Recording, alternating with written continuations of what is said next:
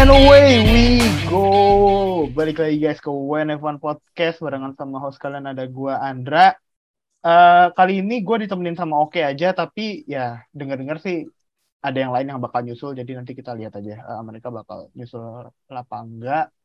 Eh Oke, gimana setelah melihat crowd F1 terbaik di ya di F1 sih, crowd crowd crowd terbaik di F1. Ya meskipun bukan hasil maksimal yang dicapai tapi gua tetap salut sih bisa kayak gitu ya. Anjing rame banget ya. Seakan-akan itu kalau kita ngelihat di di berita lihat fotonya Leclerc lagi champagne tanpa ngelihat kita ngelihat tuh hasilnya mungkin mereka orang ini Ferrari menang mungkin ya. Sama, gue juga mikir gitu pasti kayak kalau kalau gue lihat fotonya aja, anjir Heeh. apa mereka ngerayain ini kayak gini kayaknya si Leclerc deh yang menang ya.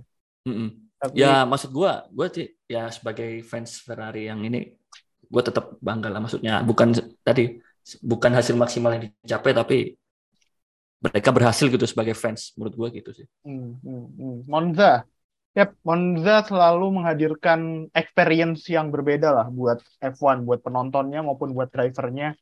Kayak selalu ada energi lebih gitu loh kalau uh, pembalap itu balapan di Monza. Uh, mau itu lu bukan pembalap Ferrari atau apalagi kalau lu pembalap Ferrari gitu, Uh, pasti lu bakal ngerasain energi yang tambahnya ekstra-ekstra banget lah kalau dari penontonnya Monza itu. Uh, it's always been a great crowd. Terus lu kalau lihat foto eh video sih, video yang podium kemarin Mm-mm. itu rame itu itu track penuh sampai sampai turn satu aja. Iya, heeh, heeh. Jadi kayak semua penonton grandstand dan walkout walkout itu benar-benar masuk ke dalam Iya. satu track itu dia sampai di main street itu sampai wah gila sih. Ya dan dan itu dan itu bukan akhir-akhir ini dan itu kayak udah tradisi aja sih. Iya, Mereka track. pasti bakal munin track. Yep, benar benar benar. Eh, ya tapi mereka juga kangen gak sih? Tahun lalu kan nggak ada penonton. Ta 2020 juga nggak ada penonton. Iya, heeh, heeh. apalagi setelah itulah. Iya, iya. Jadi, wah anjir emang emang vibe-nya kerasa banget, bagus banget. eh, F1 di Monza. Dan menurut Kayak- gua mungkin bisa diaplikasikan ke sirkuit yang lain mungkin. Zandvoort? Mungkin kayak Zandvoort atau Red Bull Ring kan. Iya. eng- Red Bull Ring, eh tapi Red Bull Ring tuh tribun yang rame tuh jauh aja dari podium. Tribun yang rame di Red Bull Ring kan yang di turn 5, turn 6 itu kan. Oh iya, iya iya iya iya iya. iya, heeh. Yang rame justru yang itu, bukan yang grandstand. Jadi sayang sih. Tapi kalau ya Zandvoort bisa, Inggris tuh harusnya bisa sih.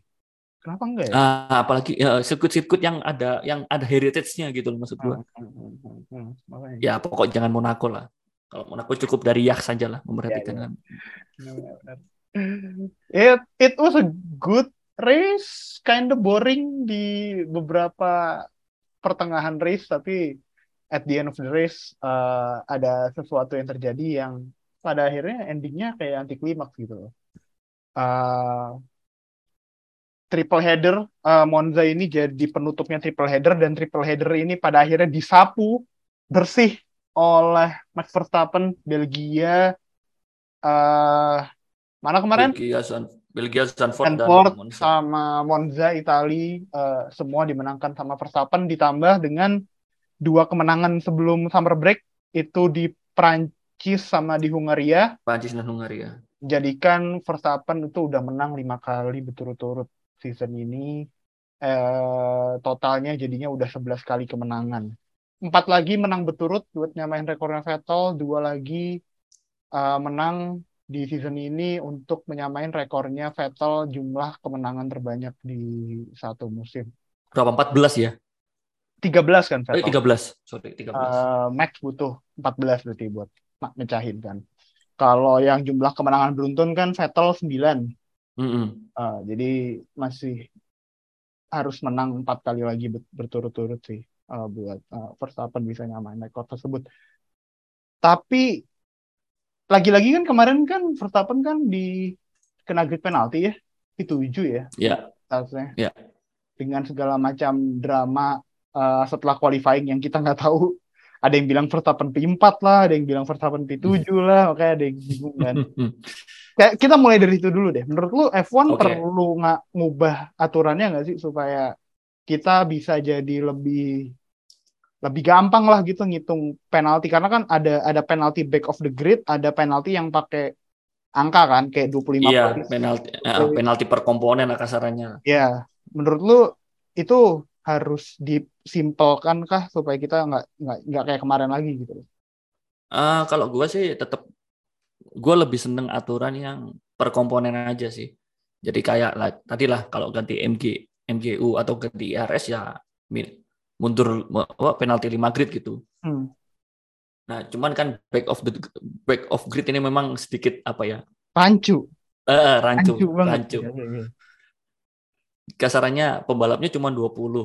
Tapi kita ganti 5 komponen, otomatis eh iya otomatis kan kita di P25 gitu. Hmm, Nah, maksudnya apa kan gitu. hmm, hmm, Nah, itu itu sih kalau menurut gua sih di eh, di fixin aja sih mau penalti daripada penalti back of the grid mending kasih aja penalti maksimum aja penalti maksimum ya maksimum maksimum komponen itu ya Angka. udah dikalikan ha, ha. Hmm. dan gua mau- gua lupa mau ngomong apa lagi oh dan dan ini sih soal masalah pe- penataan tadi gua gua gua setuju yang terakhir yang max akhirnya dituju soalnya yang terakhir kan semua pembalap yang kena grid penalti itu dikecualikan dulu dikecualiin dulu, oke? dikecualiin dulu Hmm. baru baru yang ini baru yang apa namanya yang normal-normal masuk masuk ke urutan Dimaju-majuin. Ah, ah, pap, pap, pap, pap, pap, pap. nah contohnya kemarin Max ternyata dia kemarin P2 ya qualifying Tuh, P2 iya itu, itu. ya P2 ditambah dia 5 grid penalti ya udah dia CCP di 7 seret Hmm, hmm, hmm. terus jadi jadi menurut gua gini eh, kenapa kok lebih mending kayak gitu jadi kayak tim itu masih ada chance buat ikut kualifikasi gitu loh Ndra. kalau dia nggak nggak ambil Hmm. maksimum penalti gitu Iya. nah, maksud gua lebih seneng yang kayak gitu sih daripada yang kemarin yang Max isunya P4 kalau yang P4 kemarin gimana ya asumsinya lupa Gue juga, gue juga bingung, gue juga lupa. Oh, kalau nggak salah ya, tim 4 itu Max mundur dulu, baru karena yang lain mundur di belakangnya, jadinya Max tuh naik, kedorong naik gitu loh.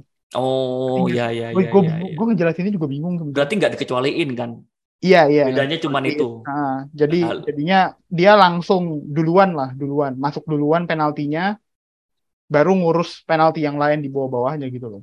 Ya, soalnya kalau menurut gua lebih fair yang tadi, yang dikecualiin sih. Karena Hmm. mereka sudah ambil advantage gitu daripada tim-tim yang lain. Hmm, hmm, Ya hmm. kan, dia dengan komponen baru, penalti, tapi kok sama aja kedudukannya, kasarannya gitu. Iya, kok naik lagi gitu kan? Mm-mm.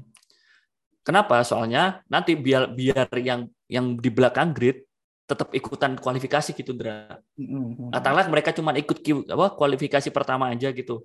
hmm. ya udah biar mereka paling apa cepet-cepetan mana sih siapa sih yang gridnya paling atas jadi event yang kena penalti maksimal itu dia tetap eh, tetap tetap mereka tetap punya inilah tetap punya chance bersaing gitu mungkin ada ada lima pembalap berarti kan mulai dari urutan 20 sampai 15 kan berarti pembalap yang kena penalti kan nah mereka ini bisa bertarung gitu siapa yang dapat posisi 15 siapa yang dapat posisi 16 siapa yang dapat posisi paling buncit ya nggak sih Iya benar-benar. lebih fair nggak sih? Jadi yang dapat penalti juga bertarung, eh yang nggak yang nggak dapat penalti bertarung, yang dapat penalti juga bertarung.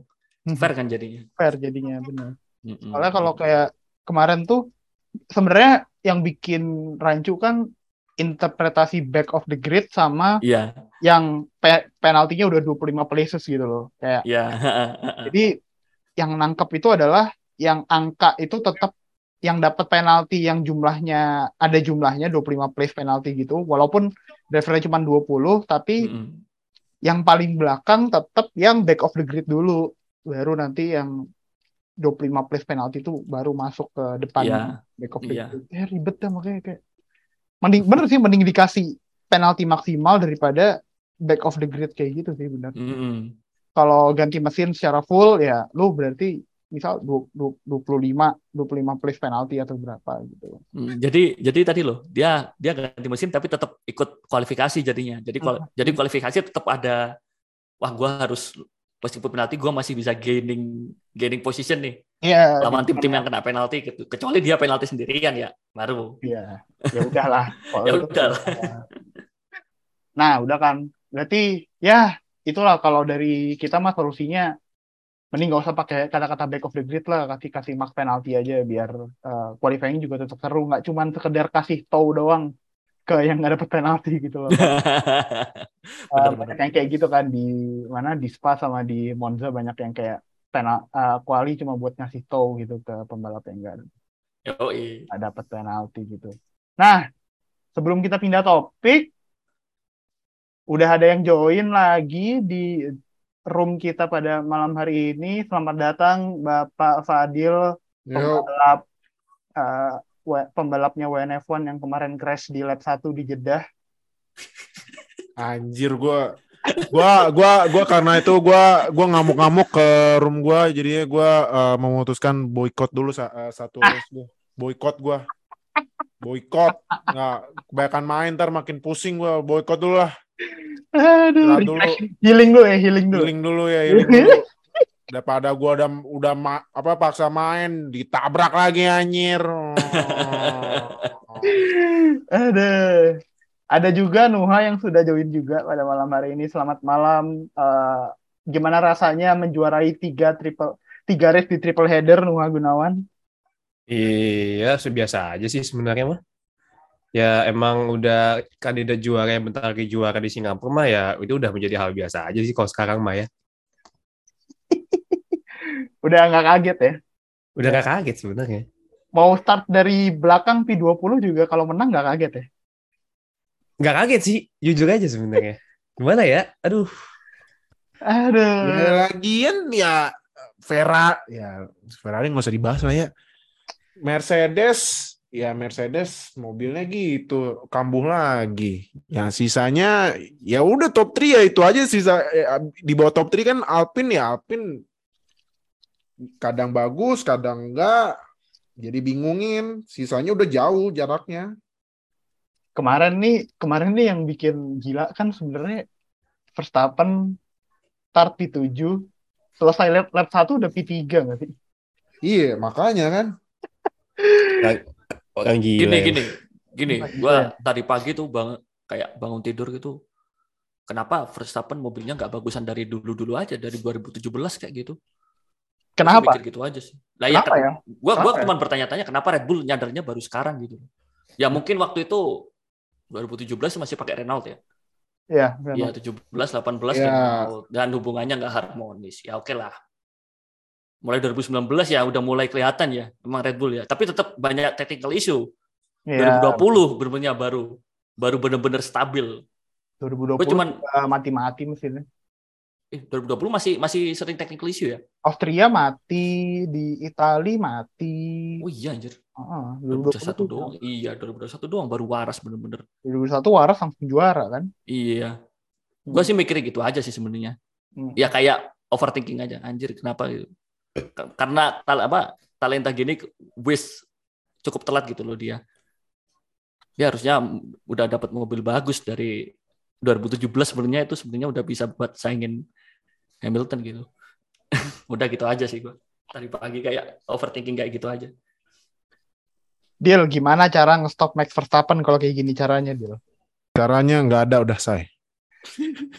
dah, nggak ada dia tuh alien mau gimana stopin alien udah nggak bisa masalahnya nih Max Verstappen cuman butuh berapa 22 poin buat menang ya buat juara dunia gue belum tahu. Pokoknya kalau nggak salah uh, Max harus P1 mm-hmm. Leclerc itu P8 atau di bawah? P7 atau slower lah. P7 eh, iya. di bawah di bawah P7 um, minimal minimal P5 tanpa fastest lap dan P6 ya kalau gitu mah ah udahlah. Gimana cara stopin Max? Ya gak ada caranya. Mau gimana lagi abisnya ya lu lihat sendiri kan Max nih udah start yang dulu kan yang pertama start di P berapa tuh menang 10 10 14 14 nah, sebelum P, sebelum P14 4 P10 yang P10 yang dibahas race di Hungaria Hungaria di Hungaria yang yang udah banyak orang bilang Monaco tanpa tembok menang. Terus P14 di ah. Spa Belgia menang. Ini kemarin di uh, Itali P7 ya? P7. Hmm, P7. Menang. Dia ini sebenarnya tuh sebenarnya gini loh, gue Max tuh kurang ajar tau gak? Betul kenapa kurang ajar? Apa, Dia tuh kurang ajar start paling belakang menang lu mau ngepur berapa berapa banyak grid lagi. Ngepurnya tuh nggak usah kasar gitu. Mhm. Iya Hmm. kan? Nih masa ntar dia ngepur dari P14 aja menang. Ntar ngepur dari P20 atau menang. Dia lah gak bi- kalau makanya Ya, jadi seenggaknya seenggak deal deal, tapi seenggaknya dia nggak nggak ngoceh-ngoceh dulu dari start dari belakang. Nggak kayak nggak kayak yang nggak kayak yang sudah-sudah gitu loh maksud Satu gue. lagi yang salah nyalahin timnya. Habis itu di, di interview sama media, oh iya iya saya saya saya mohon maaf ini. Ah, udah reaksi asli itu mah. Yang gue lupa kalau kemarin dia masih balapan. Iya makanya kan. Yang gue lihat, oh nih Sainz, wih Sainz dari P berapa kemarin 18 ya? 18. 18. Tahu-tahu naik 18. kenceng banget. Ini kenapa di tiga terbawa ada Silver Airus? Nama Kenapa depan- tidak nam- naik? Kenapa nggak naik-naik? Kenapa nggak naik-naik? Namanya depannya H. Ah, Hahaha itu. Hahaha. Ini ya, ha, belakangnya Belton Pastil Pastiles ya. Nonton mas itu apa ya? Itu apa ya? Itu permen ya? itu permen. Iya, anjir. Hah? apa dah apa Mil oh permen Milton itu ya Iya, Masih- Milton iya. Pastiles. Iya, Iya tahu tahu tahu tahu tahu tahu tahu oh iya tahu tahu tahu Referensi lu, buset dah. Nggak, pen- pendengar kita tuh kebanyakan nggak tahu referensi lu sih jadi ya ya Ini kan eh, ini kan konteksnya kita kan nggak tahu Hamilton kemarin balapan. Ya udah gue kasih referensi yang jauh juga sekalian. Eh, iya benar juga. Noh, kemarin kalau lihat qualifying sebenarnya eh, Max kelihatannya kalah gitu loh di lurusan karena somehow some way Ferrari kemarin nemu pace-nya di eh, qualifying buat eh, sektor 1 sama sektor 3 yang banyak lurusnya. Ya. Red Bull eh, itu menang di sektor 2 yang banyak tikungannya karena emang mereka pakai high downforce.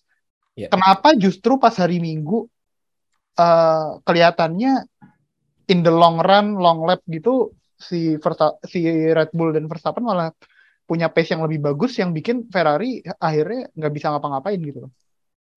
pada dasarnya sebenarnya kalau mau di ini ya kita pakai helikopter view itu sebenarnya Ferrari di Italia itu sebenarnya blundernya nggak ada. Betul, cenderung minim cenderung minim kesalahan. Betul sekali. ya sem semu- sama sekali nggak ada salah dan normal-normal aja sebenarnya. Cuman cuman emang mobil Red Bull tuh emang kenceng aja gitu. Dan Ferrari tuh entah kenapa ketika race tuh kayak nggak sanggup buat ngeladenin pace-nya Red Bull yang kenceng banget itu. Bahkan di kualifikasi tadi udah disebutin itu sama si si Andra juga kalau misalnya Ferrari lebih kenceng. Karena memang data yang dipunya sama Ferrari jauh lebih banyak di Monza daripada Red Bull jelas. Ini kan home- eh, apa dalam tanda kutip home race-nya mereka gitu. Data yang mereka punya juga pasti lebih banyak dibandingkan Red Bull.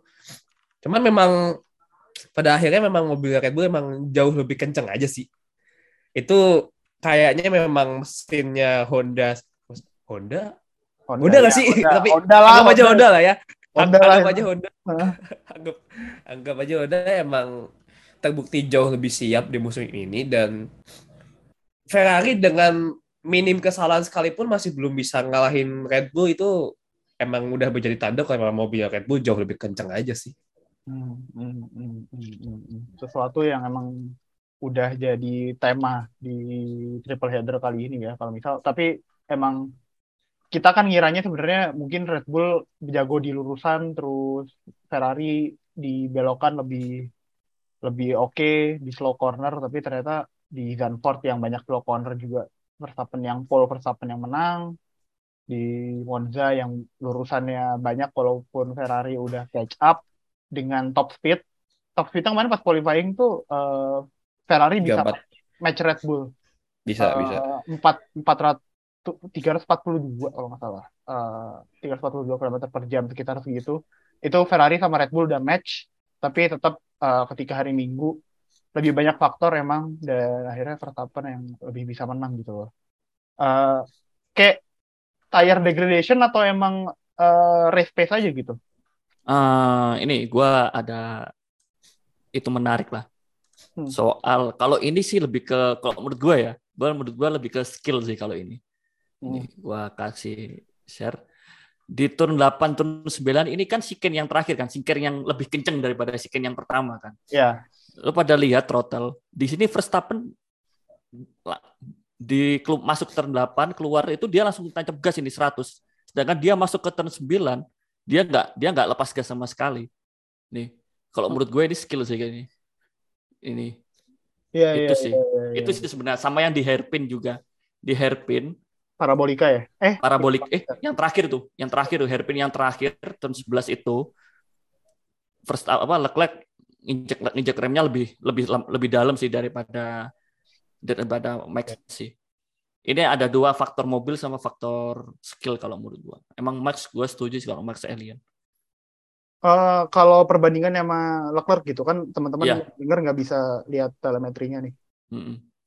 Kayak gimana kalau yang Leclerc tadi di turn 8 sama turn 11? Jadi kalau kalian masuk turn 8 turn 9 eh breaknya itu Leclerc slightly lebih dulu ngebreak masuk sedangkan Le- Le- sedangkan Verstappen dia lebih apa apa lebih terakhir nge- ngebreaknya duluan jadi kalau kalau jalan barengan nih itu Leclerc ini ngebreak dulu ngerem dulu baru Verstappen Hmm. setelah itu keluar turn 8 masuk mau masuk ke turn 9-nya itu Verstappen udah udah tancap gas, udah udah nginjek gas, si Leclerc belum nginjek gas. Dia lebih cepat.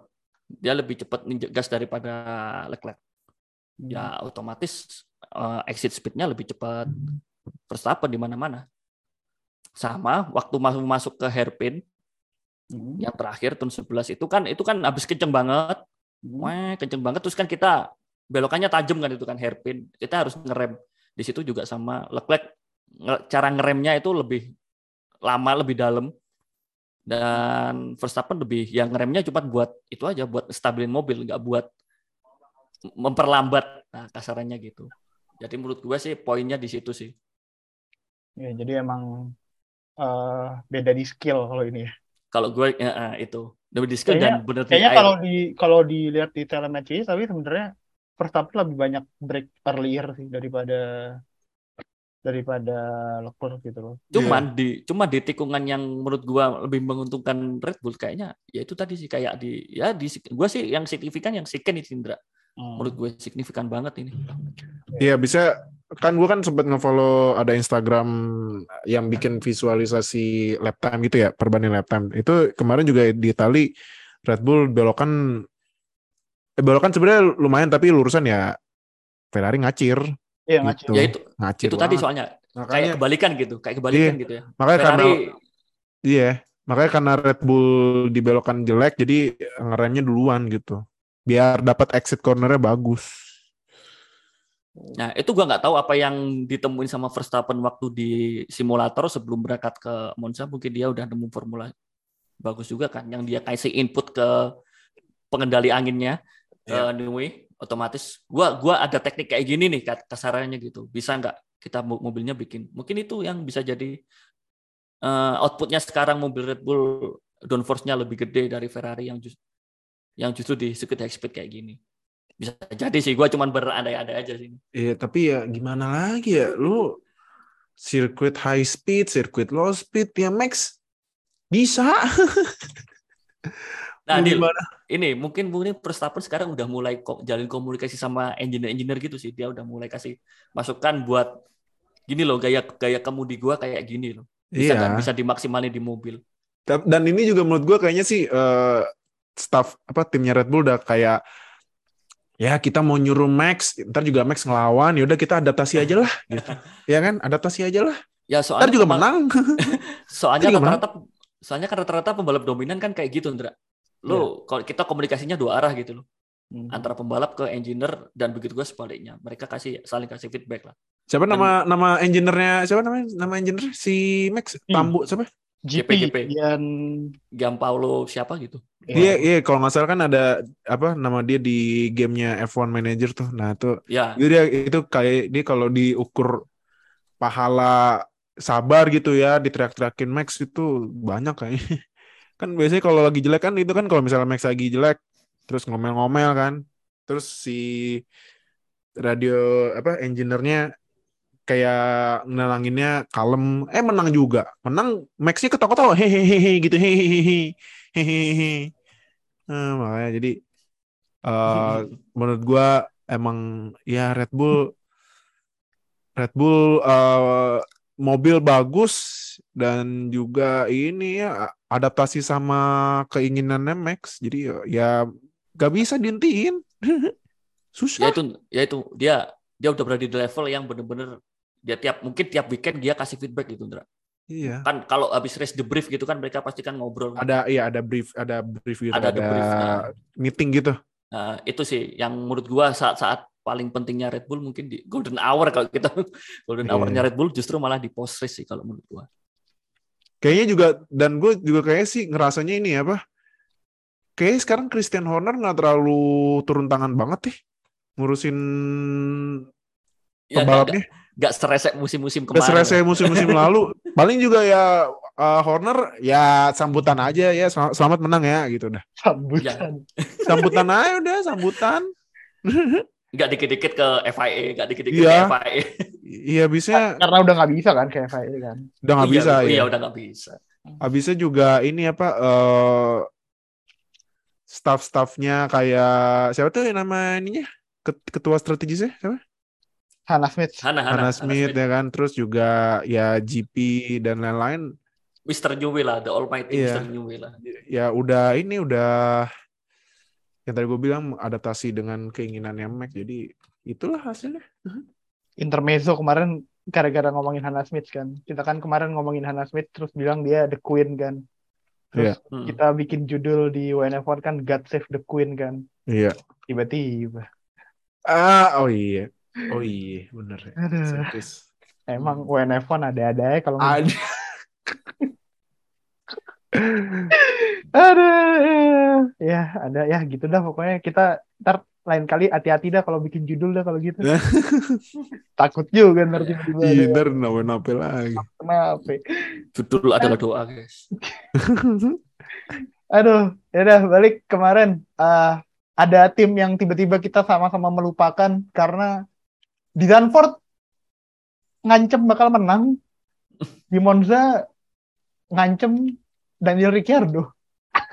ya elah di finish berapa sih Depan out ya di out kan out kan yang dibikin yang di, yang gara-gara dia ini kan gara-gara Oh. dia safety car Ricciardo sih out. Nah, tapi kan yang bakal kita omongin ini Mercedes ini. oh Mercedes dulu, Mercedes dulu. ya Battle-nya sama McLaren, sama Alpine, sama Aston Martin, sama Nick De Vries. Ya Allah ya Allah Kayaknya semuanya dimusuhin ya.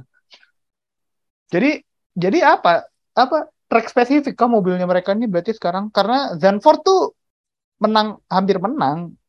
Terus ya sekarang tiba-tiba di Monza kagak ada apa-apanya sama sekali gitu loh. Ini track spesifik kah mobilnya atau emang emang wash aja gitu pembalap yang pembalap yang ya itu. yang wash yang nomor nomor 44 ya yang nomor 63 mah enggak kan yang ke carry nomor 63 Russell jago, Russell jago.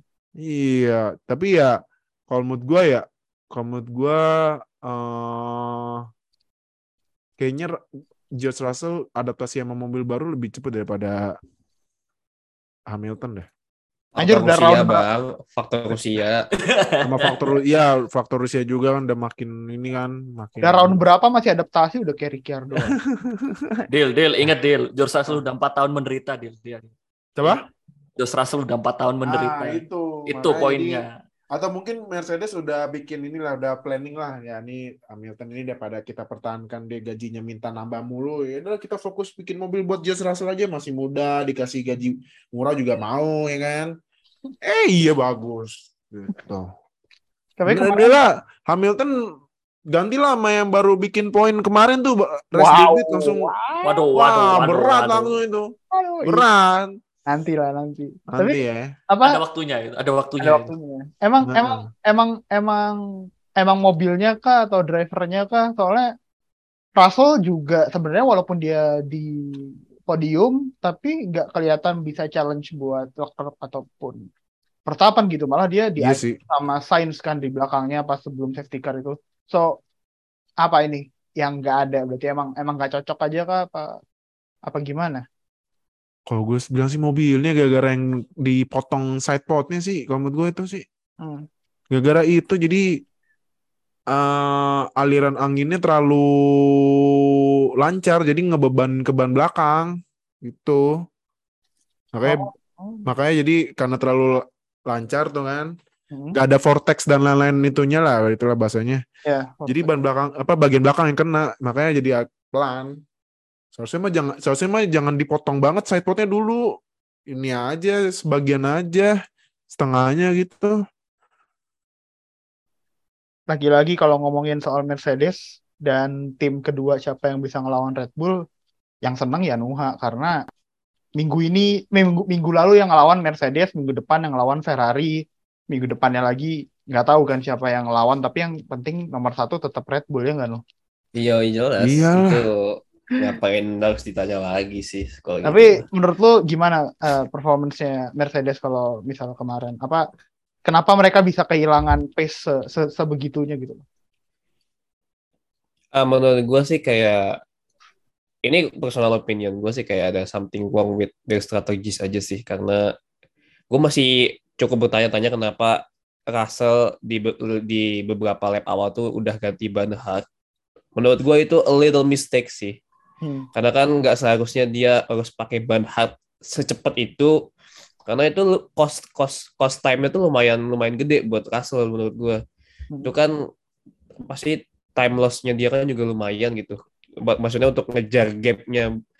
Wa- Walaupun sebenarnya in prakteknya tuh nggak terlalu jauh ya gap time-nya sebenarnya. Cuman balik lagi ketika ter- si ketika Russell ngambil apa ngambil pakai ban hard tuh secara secara logika dasar tuh itu akan memperlambat mobil jelas itu. Dan Iya. ya itu itu sangat itu akhirnya applicable juga ke lap time-nya dia juga gitu. Di saat di saat Verstappen masih nyantai dengan ban soft dan ternyata tire degradation-nya di Monza itu tidak sebesar yang apa yang da- dari data yang dipunya gitu. Tire degradation-nya nggak sebesar itu. 20 di 20-an lap tuh masih bisa pakai Iya. ban Iya, gue kaget loh. Toh, Gua kaget. Gue kaget. dan makanya gue agak mengherankan aja ternyata kenapa bisa secepat itu pakai ban hard walaupun at the end Russell bisa keep up juga sih sebenarnya bisa keep up sama dua pembalap depan Leclerc sama Verstappen gitu yang yang satunya lagi sih ya ya udah lah ya nggak usah di ngomongin walaupun walaupun walaupun si walaupun Hamilton bisa ini ya bisa naik gitu ke posisi 5 dari start di posisi ke-14 kalau nggak salah gitu ya harus sedikit diapresiasi sedikit lah apa yang dilakuin sama Hamilton cuman Gitu. menurut gua minor mistake itu yang bikin pace-nya race pace-nya Mercedes jadi hilang ya sebenarnya nggak ini ya nggak ngaruh-ngaruh banget gitu sebenarnya kalau menurut gua secara secara ini secara keputusan. Cuman kita nggak tahu gitu apa yang sebenarnya terjadi dan apa yang terjadi di di track itu ternyata berpengaruh besar dan contohnya ya itu si Russell dengan ketiban hard ya walaupun ujung-ujungnya ganti lagi gitu tapi kan cost itu sangat costly buat lifetime mereka Iya, makanya gue juga gue gue jujur kaget loh. Padahal tuh sebenarnya Monza kan belokannya banyak yang belok eh, cepet ya, belok kenceng ke eh, kanan sama kirinya kan. Turn Iya. berapa sih? Satu, dua, tiga sama Ya, sama 4, 5, 6 tuh lupa. 4, Iya. 5, 6, sama 8, 9, 10. parabolika pastinya parabolika. Nah, 8, 9, itu kan 10. kalau kalau eh, mobil F1 sampai belok kenceng dibelokin itu kan ban yang paling luar kan Iya. suhunya jauh lebih panas daripada ban dalam. Nah itu kan tire degradation-nya tinggi. Nah kemarin Max kaget gua anjir dia ban soft kenapa lama banget ya? Softnya Ya, eh, 20 Nah, ini deal, ini deal. 23 Gua ini kemarin tuh. ini gua nemu apa namanya? Menarik lah. Kemarin gua kan ini kan nonton apa? Lihat dengerin itu. Dengerin apa namanya? Tim radionya. Jadi waktu start sampai pas mau Vettel stop Vettel VSC Aha. itu engineer si GP itu minta Max buat ke mode 7. Makanya Max ngacir. Gua asumsikan mode 7 itu inilah Mau ini ya, mau eh, kalau ibaratnya kalau di game F1 tuh eh, agresif lah, agresif ya, lah. iya, Ya, agresif, ya. range. Terus abis itu setelah nomor 2 pas mau deket ke Leclerc udah pas pas, pas sebelum VSC dia Aha. disuruh menurunin ke mode mode 9 nyantai. Oh, Oke. Makanya makanya waktunya waktu makanya eh, gapnya tuh eh, naiknya Iya. lama, turunnya lama. Ah, Turunnya lama gapnya ke ke Leclerc. Habis itu sampai VSC udah sampai les selesai dia nggak ganti mode mod 9. Itu sih menurut- kalau menurut gua eh ku- apa turn, turning point max bisa ban hemat itu di dua mod itu mod 7 sama mod 9. Hmm, oke, oke. Makanya jadi ya yang ya berhubungan lagi tadi gue bilang kan eh, dengan eh, kerjasama staff yang mengadaptasi sama datanya Max sama apa yang maunya Max ya udah jadi hasilnya gitu deh. Ya tadi lah. Alien, alien memang alien. tadi kan bikin guyonan ini kan kalau di fisika kan ada segitiga daya kan. Ada udara ada bahan bakar dan ada yang dibakar. Ada oksigen. Nah ini segitiga world champion ini. Mobil Nah. bagus pembalap pembalap skillful sama good strategi tim. Udah. Iya makanya jadi ya ya dibanding sama ya you know lah yang kemarin ada pakai warna spesial itu kan. Nah di cover mesinnya sama saya belakang ya walaupun sebenarnya badut strategi strategisnya nggak terlalu keliat nggak terlalu diomongin banget cuman kan ada satu tuh yang pas ini ya virtual safety car. Itu pas aja tuh. masuk tutup keluar udah selesai. Anjir Gua- aduh ya ampun itu kalau gua main FM Manager seterusnya kayak gitu gua restart gamenya Kemen Oh, Football banget. Manager. Kemen iya FM. iya Jer. Kemen FM. kesel banget asli itu asli kesel banget Iya, jadi ya ternyata yang gue bilang dari awal musim, wah adalah nih Ferrari bakal bungkus gelar atau ya mereka yang bikin salah sendiri dan Red Bull ya itu Red Bull memanfaatkan segala badutnya segala Ferrari. badutnya Ferrari jadi ya udah deh ya. cuman bisa pilih dua sih nggak nggak mau tiga tiganya itu Iya. World Champion itu makanya nih eh, kalau misalnya Max eh, juara lagi musim depan ya jangan kaget karena memang Ferrari-nya gitu Alien ketemu Alien ketemu badut ya. iya kan udah badut ya udah itu perbandingannya paling gampang Eh, tapi kemarin iya, tadi kalau ngomongin VSC strategi ternyata Red Bull itu plannya sama kayak eh, Leclerc. Jadi mereka tuh Red Bull tuh bilang kalau awalnya mereka mau pit max di awal-awal VSC period. Mhm. Eh, kalau kalau Leclerc nggak pit. Jadi emang strateginya Red Bull itu opposite lah dari apa yang dilakuin eh, Leclerc. Jadi kalau Leclerc nggak pit, Red Bull bakal pit. Kalau Red Oh. Bull kalau Leclerc pit ya udah Red Bull eh, terus aja. Makanya kelihatannya mereka kalem-kalem aja kan sama eh, strateginya mereka. Jadi eh, dan kalau ngelihat dari sisinya Ferrari juga itu bukan sesuatu yang ya nggak terlalu salah lah karena mereka kayaknya sadar mereka udah kalah pace sama Red Bull. Jadi mereka harus ngelakuin sesuatu yang berbeda lah dari Red Bull supaya nanti di late laps of the race itu mereka bisa uh, to stop mereka bisa ganti ke ban soft buat ngejar uh, Max lagi gitu. Jadi emang bukan ya tumben-tumben aja strateginya benar. Uh, kayak gara-gara didatangin presiden Italia sih itu di nah ya itu. sama itu sama sama si chairman-nya Ferrari itu. Eh! John Elkan, John Elkan. John Iya, iya. juga itu Iya, sama ini oh dikit ya, oh dikit ya, tapi ngomongin chairman. Itu lu pada ngerasa nggak sih sekarang bosnya FIA turun lapangan ini belusukan Iya. mulu ya? Busukan mulu. Orang udah lagi podium ditungguin, lu ngapain sih udah sana Terus- ada. terus waktu di Belgia apa di mana itu yang ikutan nongkrong juga itu kan Iya, apa ini banget, JB-JB baru, banget. baru, baru kan ya? Baru kan ya?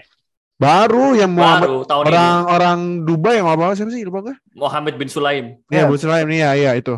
ya? Baru ya. Makanya Masih on the job training, Pak. Ah, oh iya benar-benar kerjanya harus maksimal ya on job training ya. Ntar kalau udah keren tetap santai ya. Kalau dia bikin tetap, persona dulu dia bikin Oh, persona tetap. dulu kalau udah tetap ya kayak masih kemarin gitu. Ah iya iya benar-benar. Mulai bisa salah-salah dikit. Aduh. Dah. Kapan kita ngomongin pembalap berdarah Indonesia? Ah ayo. Nah ini nih ke mana nih kok me- media-media di sini nggak goreng-gorengin? Digoreng, Pak, yang Maksudnya lupa. go- oh udah digoreng ya? Goreng. Udah. Lu ada ada nih media yang eh, kena kena ya kena kena obrolan lah sama F1 Twitter Indonesia gitu karena mereka mementingkan Nick De Vries daripada Sean Gelael yang kemarin bagian tuh juara kemarin. Six Oh hours. iya, gue nggak tahu sumpah. Six Juara Hour mana? Six hour of apa? Fuji. Fuji, iya. Fuji. Ya Fuji. Juara cuy. Tapi karena ya F1 lebih dipandang ya udahlah. Oh, Gera, disegerakanlah kalian ke KFC terdekat ya. oh iya dapat diskonan ya. Aduh, kemarin gua diskonan ini apa promo lem, paket lemang gak dapet gua. Padahal lumayan tuh. Nasi nasi dua ayam dua jadi cuman 45 ribu lumayan. Oke, jadi kalau misal kita berandai-andai buat Nick De Vries itu ya. Nick De Vries nih debut FP1 sama Aston Martin, terus FP3 join lagi Williams buat gantiin siapa eh, Albon yang usus buntu, Aduh, ih. qualifying di nggak tahu berapa tapi akhirnya P8 dan itu udah out qualify Latifi.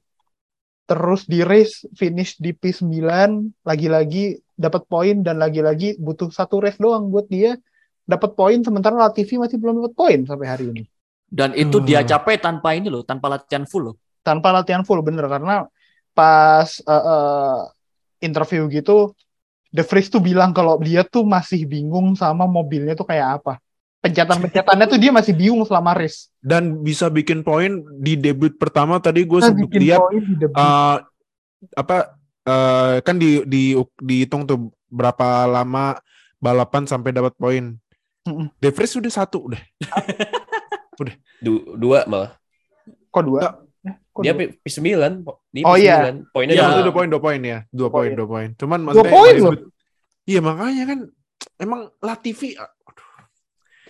udahlah jualan eh, kerja di kantor bapaknya aja lah. Nah, maksud gue gini, balik lagi. Apakah Williams sebenarnya potensial nggak mobilnya? Balik lagi Sebenarnya potensial menurut gua. Iya, Potensial kalau di Monza, Pak. Nah, ah, iya sih benar. Monza bener. Kalau track yang ini track yang butuh full power. Full power terus straight line speed gede-gede itu Iya. Williams tuh oke sih, oke banget. Sebenarnya sebenarnya tuh tim-tim tim-tim kelas bawah tuh emang powerfulnya di eh, track-track yang full power. Kalau yang udah technical kayak ntar kan next di Singapura lah, lihat aja ada Williams, A- Alfa apa Alfa Romeo, Aston Martin sama Haas udah ngemper dah belakang dah tuh, ngemper, ngemper. San Mori itu. Iya, San Mori udah tuh. Kayak kemarin kan, kema- kalau kemarin kan eh, San Mori itu tuh kan yang mimpin yang ini artis, artis Netflix, ya kan? Is Netflix mimpin San Mori. Iya. Nah itu judul, judul, judul, judul podcast. Road Captain anjing kemarin. Iya, makanya udah mimpin out. Ah, mana sih? Nah, jadi eh Bener ya maksudnya, Ya. kemarin McLaren bukan tim bukan mobil yang paling cepat gitu, tapi begitu ketemu sama straight line speed mereka tiba bisa tiba-tiba bisa nahan Alfa Tauri, tiba-tiba bisa nahan, nahan Williams. iya. Ya kayak Gasly itu susah banget gitu nyalip. Enggak, susah banget, man. Balik. Tapi tahu nggak kenapa Ricciardo akhirnya mogok? Kenapa? Kenapa? Kenapa? Karena kan di rodanya McLaren kan ada Google Chrome, kebanyakan tab. Nah, Aduh. itu benar Itu- makan itu- RAM. Itu kalau Google Chrome dipakai buat nonton Netflix itu. Nah, Waduh. itu nonton Netflix liatin siapa? Artis Netflix. Produser depan season depan. Iya. Produser tahun depan itu. Mumpung mumpung nggak ada job di F1 kan? Eh, Iya. Eh, Tadi jadi pembawa acaranya dah, acara F1 di Netflix dah deh. Mendingan urus sama urusin channel YouTube-nya aja dah. Daripada balapan nggak nggak guna. Anjir, gue langsung di best dah. nggak apa-apa. Kita udah. Ya Tapi emang nggak keren sih. guna, ya emang nggak guna. tapi keren buat Nick De Vries cuy. Meskipun akhirnya dia sakit pundak sampai harus dibantu keluar wak tapi tetap keren. Itu Oh iya iya katanya shouldernya ini ya berasa mati rasa ya. Selepas nih. anjir iya serasa itu. Anjir gua nggak Gila tolong ngeri banget ya. tolong bantuin gua keluar ini. Kemarin kemarin De Vries bilang itu dia shoulder pain di track yang nggak demanding secara belokan gitu loh. Kalau dia dapat track debutnya di di Singapura aja coba. aduh aduh aduh aduh lepas itu. Duh, habis dah tuh. Monaco, Monaco juga. Ya, tapi ma- tapi masuk akal kan dia bener-bener kayak kan kemarin kan dibilang kan eh The Vries kamu adalah mungkin satu-satunya pembalap tersibuk hari Jumat ke apa selama weekend ini. ganti, ganti ganti tim anjing tiga tim loh dia datang ke Monza. Dan dia Iya. kan nggak per- dan dia kan di mobilnya kan itu ibaratnya kan settingannya ini Albon kan bukan Albon. fittingannya bukan fittingannya si De Vries. Siapa tahu Betul. setirnya kurang setirnya kepanjang apalagi De Vries sama Albon tingginya jauh banget Jauh. Iya. selisihnya. Hmm. ya Albon ya kan wajar tinggi. sih Albon tinggi. tinggi. Dan gua baru tahu lebih tinggi daripada Russell loh. Gua tinggal Russell, gua kira Russell lebih tinggi. Ah, ah, ah, ah, ah, ah? Emang iya? Iya kan foto bertiga itu kan Russell Albon sama Albon Vries? sama The Vries? iya. Oh iya nih, oh iya, oh iya. Tapi ini sama sih. Anjing, oh iya anjing. Tinggian Albon. Tinggal Albon kan. Iya ya. Ya ya masuk akal gitu kalau De Vries sampai sakit semua badannya ya mobilnya bukan settingan dia. Gak nyaman. Gak nyaman. Ibarat lu mau habis apa? Habis pakai mobilnya nggak habis pakai cewek kan, setirnya mepet banget ke depan gitu. Bener. Bener, bener, bener. Ya udah. Noh, kapan kira-kira The Vries tanda tangan kontrak Williams, Noh?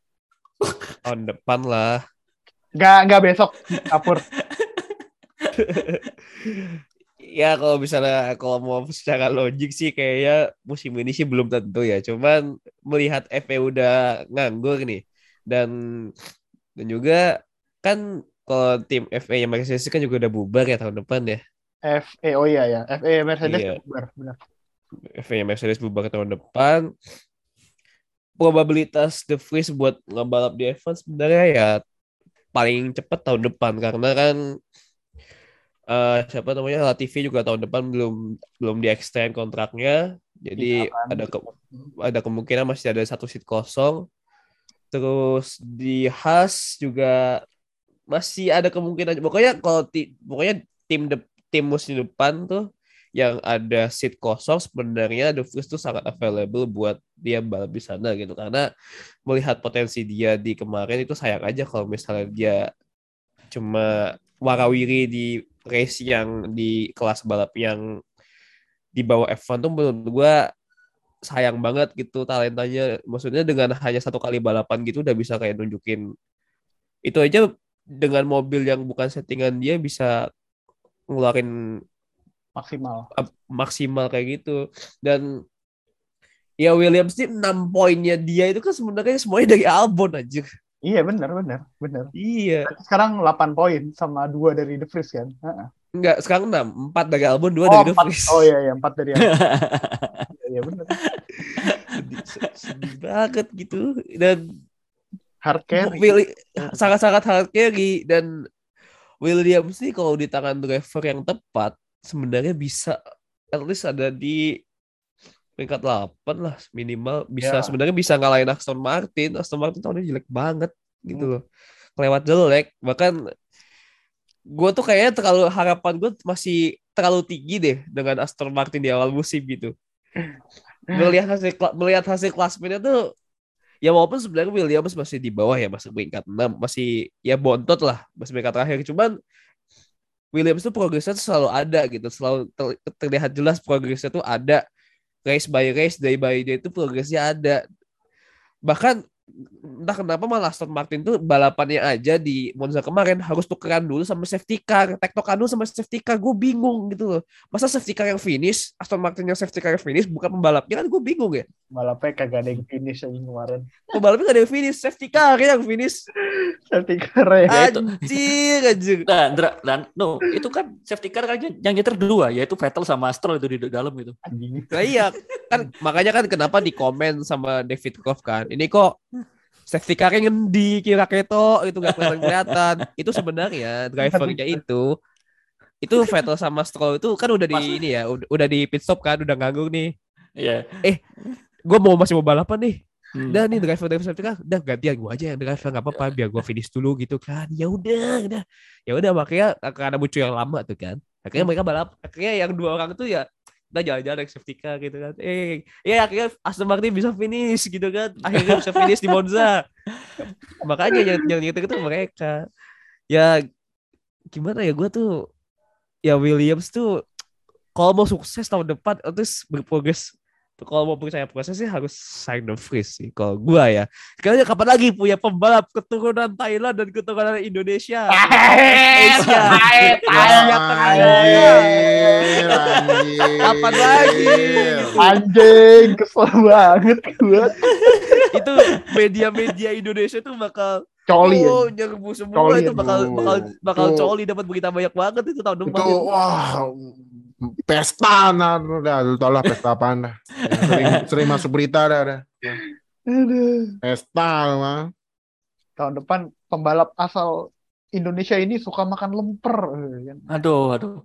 Lima fakta The Freeze. Nomor tiga bikin nganga. nganga nganga Tai, tai, tai. nganga Eh, Anjir. tapi tapi kebayang ya kalau misal William tahun ini tuh Albon sama The Vries gitu, berapa poin ya mereka kira-kira?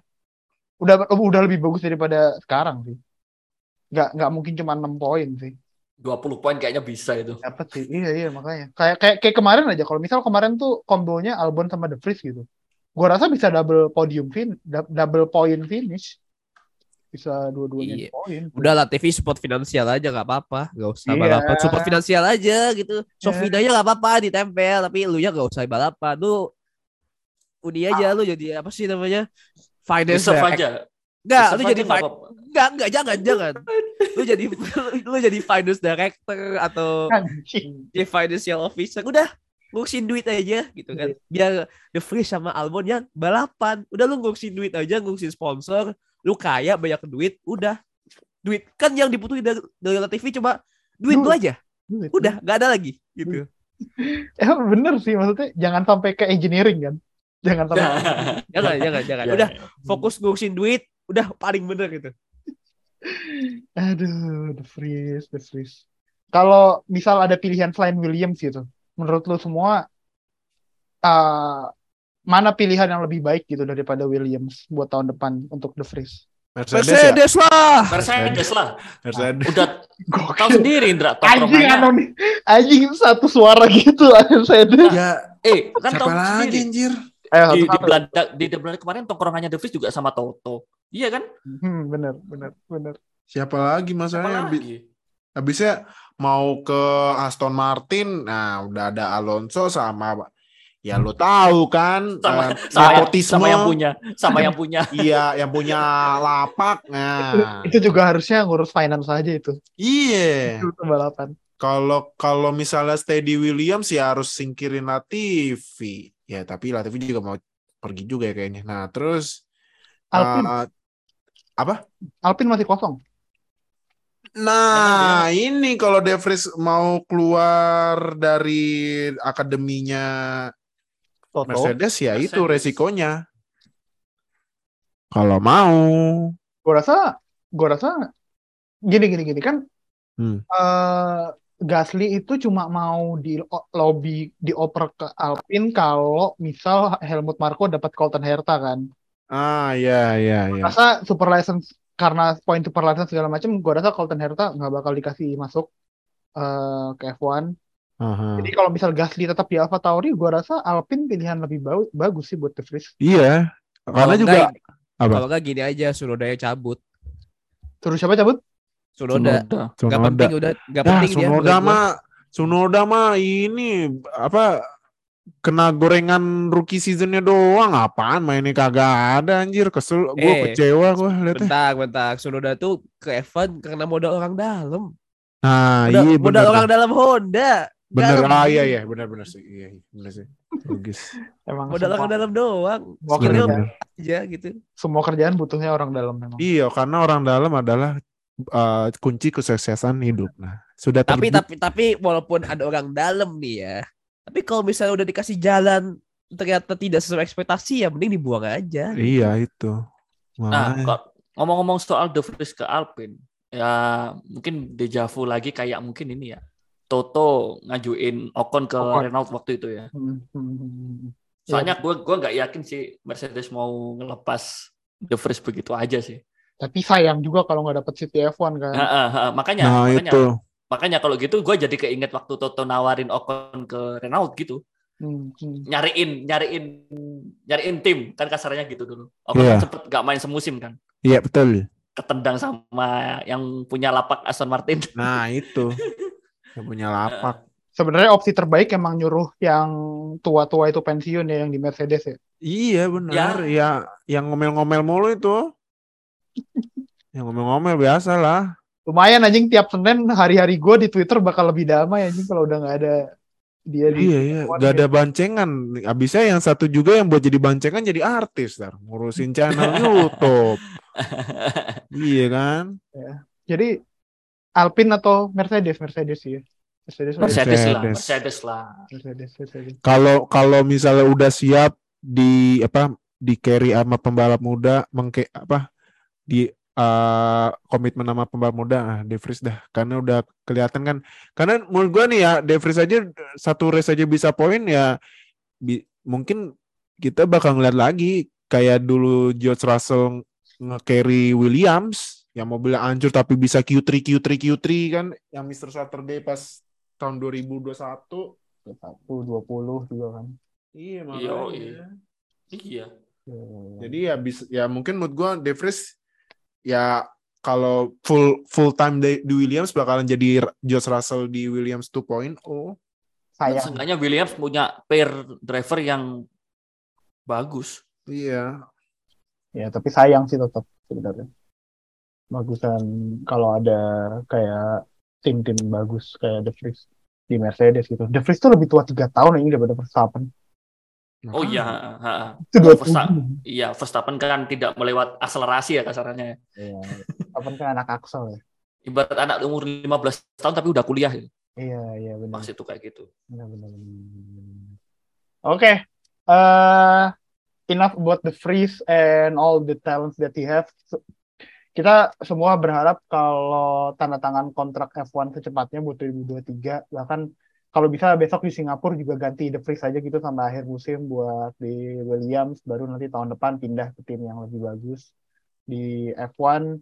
Tapi kemarin nggak bisa ngomongin Italian GP kemarin kalau kita nggak ngomongin endingnya yang kalau kata orang anti climactic ada kata orang lain lagi mereka at least follow the rule nggak kayak tahun lalu yang orang-orang nggak bisa move on itu ada yang bilang harusnya di red flag.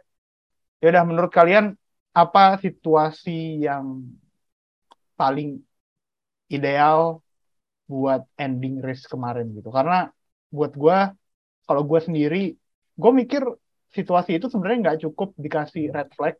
Kalau misal terjadi di lap-lap awal gitu loh kayak lap-lap 27, lap-lap 10 itu kalau kejadian kayak gitu nggak bakal dikasih red flag sama race director. Gue rasa itu udah bener.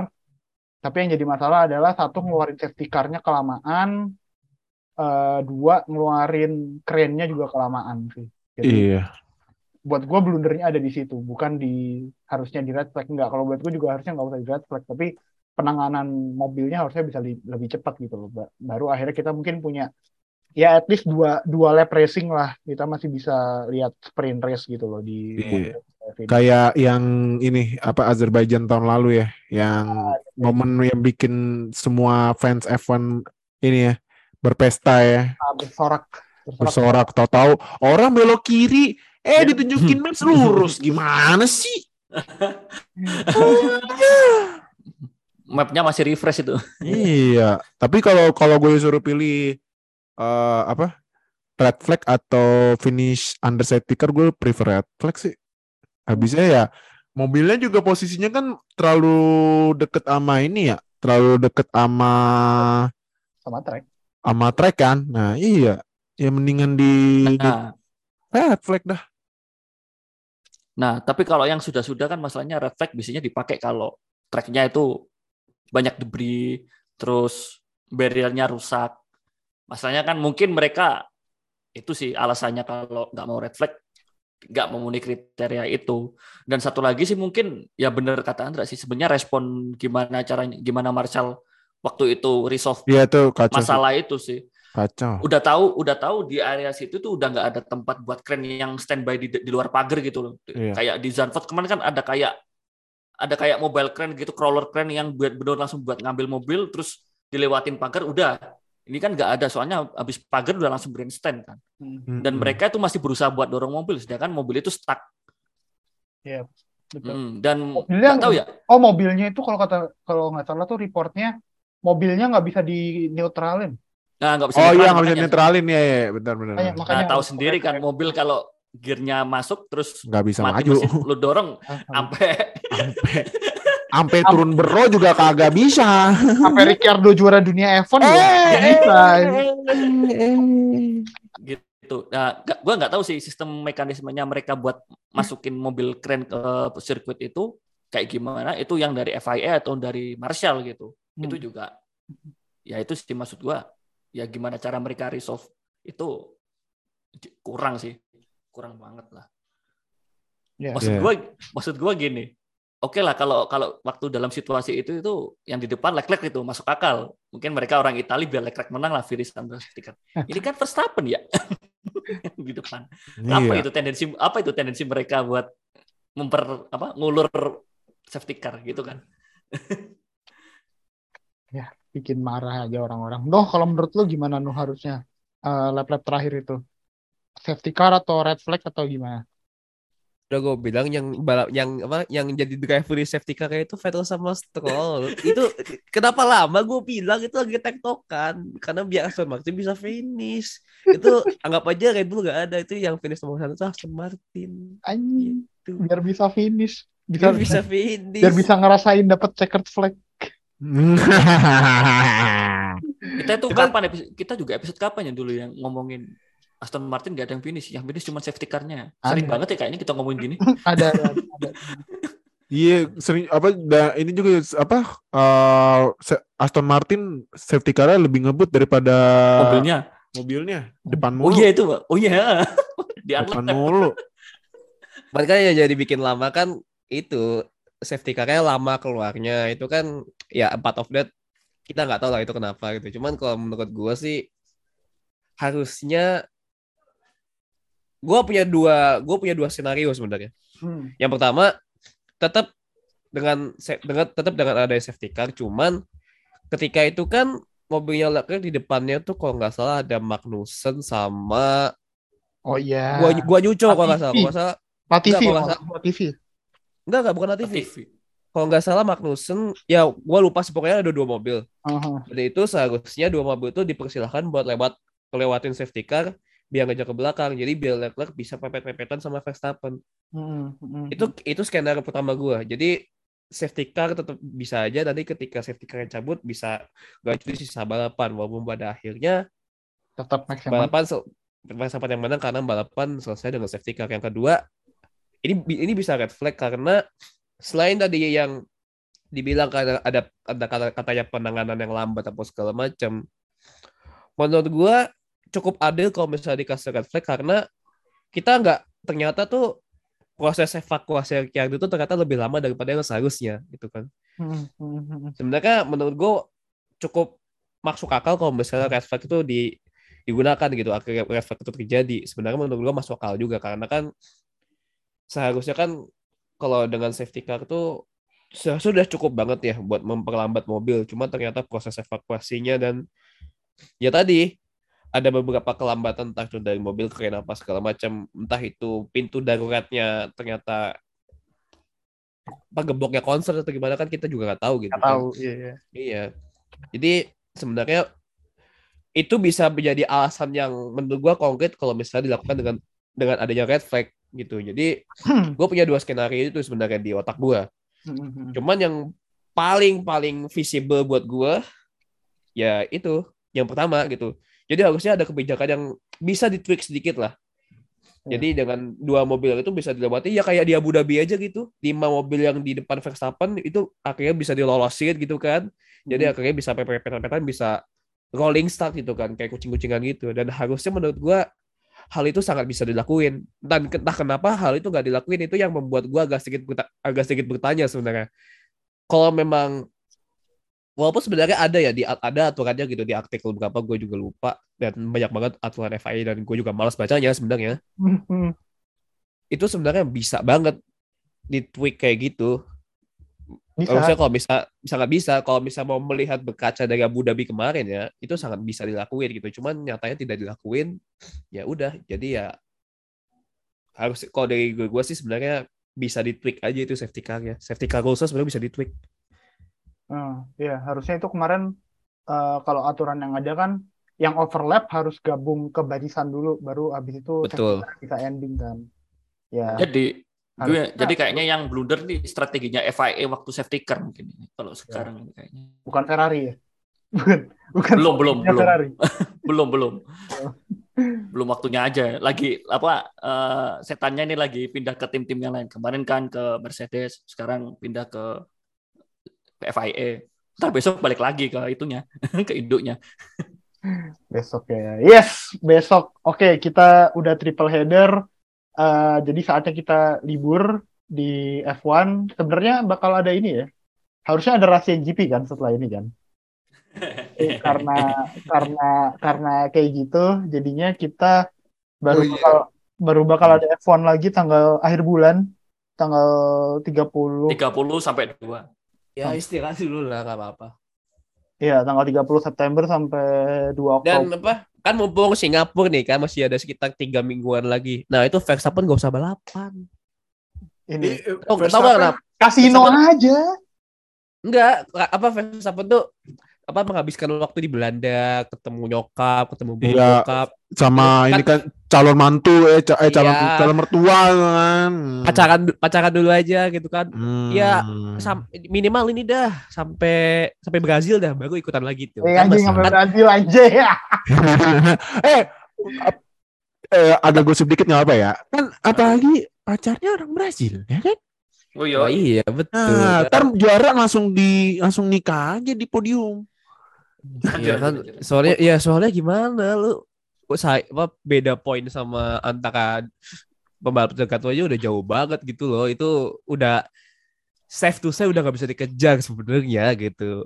Lu Iya. mau mau lek nangis nangis ngejar poin P1 sekalipun ya itu agak susah buat ngejar ya. Ini ang- anggaplah Verstappen nggak balapan deh sampai Brazil gitu. Poinnya sekarang 335 Leclerc di 4 balapan 25 poin 100. ya gak usah pakai fast lap lah berarti 100 gitu itu ada 319 poin dan itu belum nyampe buat ngejar Verstappen belum nyampe Makanya. udah tidur Kecuali terus. kecuali ada yang ini kan kotak-katik mobil ya terus balik ke Red Bull awal musim. Nah, ada tuh. oh ya ngomongin soal poin Eh, info nih yang cukup penting Hamilton udah keluar dari contention buat Let's Yes! go! LFG baby. Let's go! LFG baby. Ya, eh, ya Yes. elah. gua Ya gua elah, lu poin 168 mau mengharap apa maksudnya gini gua gua nggak tahu ini berita itu penting apa enggak gitu loh Penting, penting. Nah, Nggak, itu. buat, buat gue Gua udah sakit. gak penting sih Lah Buat iya, udah makanya. gak penting kenapa Itu- kenapa ada yang nganggur apa gabut bikin berita ginian. Itu itu berarti word uh, meme itu oh no anyway. Oh no anyway. iya oh no anyway. Oh no anyway. asli gua ini ngapain orang bikin? Iya nggak ada. Ya abisnya mau berita- bikin gorengan F1 ya yang menang itu tuh mulu ya udahlah.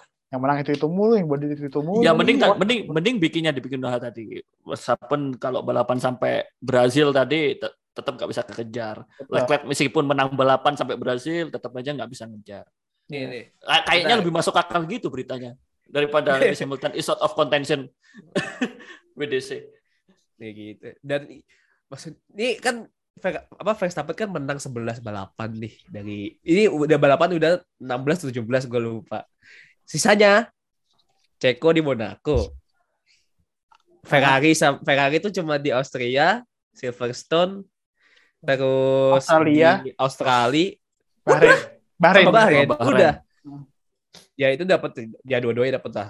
Duh, berarti musim i- musim ini cuman ini ya Ferrari sama Red Bull aja iya, iya. Nggak Iya. ada yang nggak ada yang lain, nggak ada yang Gua- lain. gue juga nggak nyadar lagi Podium juga cuman Lando juga. Norris yang bukan Ferrari, Red Bull, Mercedes. nih makanya menurut gua musim ini bosenin sih abisnya ya ya ini ya kalau misalnya ngomong dari ini ya non fans itu ya non Ya. fanatik siapa pun ya menurut gua musim ini bosenin karena ya walaupun awal musim kayak gitu tapi ya ya nih mah zaman-zaman Shumi berjaya awal 2000 2004. dah 2004 Iya, ini 2004 banget ini Iya, sama cuman ya- Cuman ya masalahnya ya yang kita keselin payah. Jadi ya udah seru dah. ya. Ya seru dah. Ya ini tuh kayak Schumacher 2004, Vettel 2011, 2013. 2013, 13 ya Vettel terlalu 2013. dominasi ya. sama Hamilton 2020 udah lah. Hamilton 2020 ya. ya udah. Dan musim ini kan dan juga yang perlu dikasih note juga musim ini tuh budget cap udah berlaku gitu. Udah udah berlaku banget gitu. Gak kayak kalau misalnya kita banding kayak Michael Schumacher dulu gitu. Zaman Iya. Ah, 2004. Ah, ya. Sebastian Vettel di tahun 2010 yang sangat dominan juga gitu.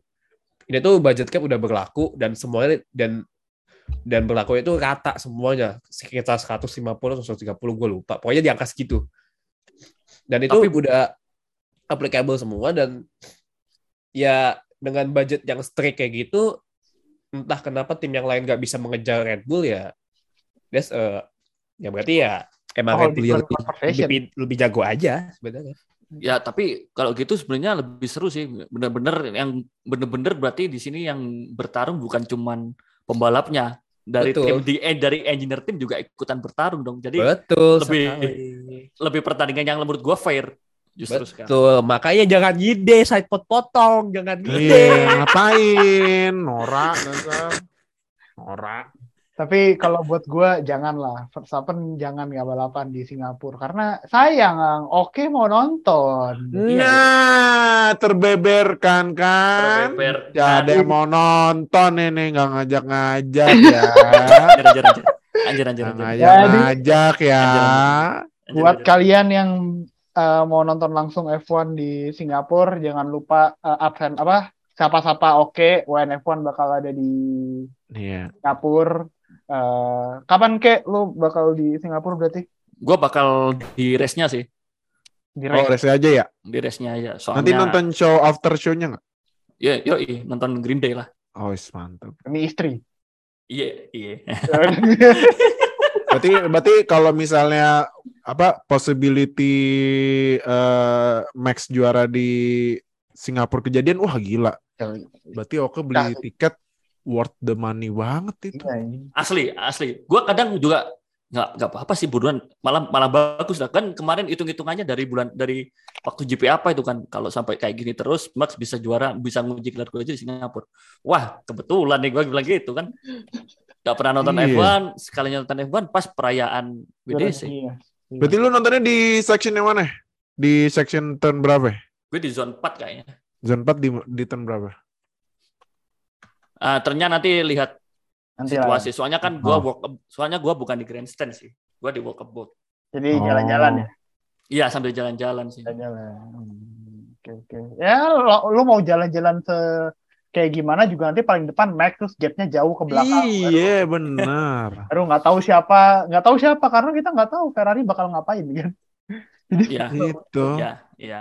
Gua gua berharap sih apa pun hasilnya yang penting please jangan nabrak, please finish Ya. Ferrari. Itu udah cukup. benar-benar benar ya. Tapi ya jadi ditunggu konten-konten WNF1 live dari Singapura GP nanti di akhir bulan eh, bakal dipegang sama Oke buat eh, segala macamnya soal WNF1 di Singapura. Nanti mungkin ya siapa tahu kita bakal ada sesuatu bakal bagi-bagi apa kek di situ kan dibagi Bagi apa bagi-bagi ini air, air mata Ferrari. Kan Ferrari. Jadi kita kita bakal bikin tiga edisi air mata, air mata Ferrari, air mata Hamilton, sama air mata Ricciardo. Nah, Anjir, air mata Hamilton, anjir. itu. Public enemy banget ini. And, and that's it about the review of Italian GP. Thank you Fadil Noah. Uh, Oke udah join hari ini. Uh, jangan lupa buat semuanya follow sosial medianya WNF1 di Twitter, Instagram, sama TikTok at WNF1 Official. Thank you buat semua yang dengerin and we'll see you guys in our next episode. Bye bye.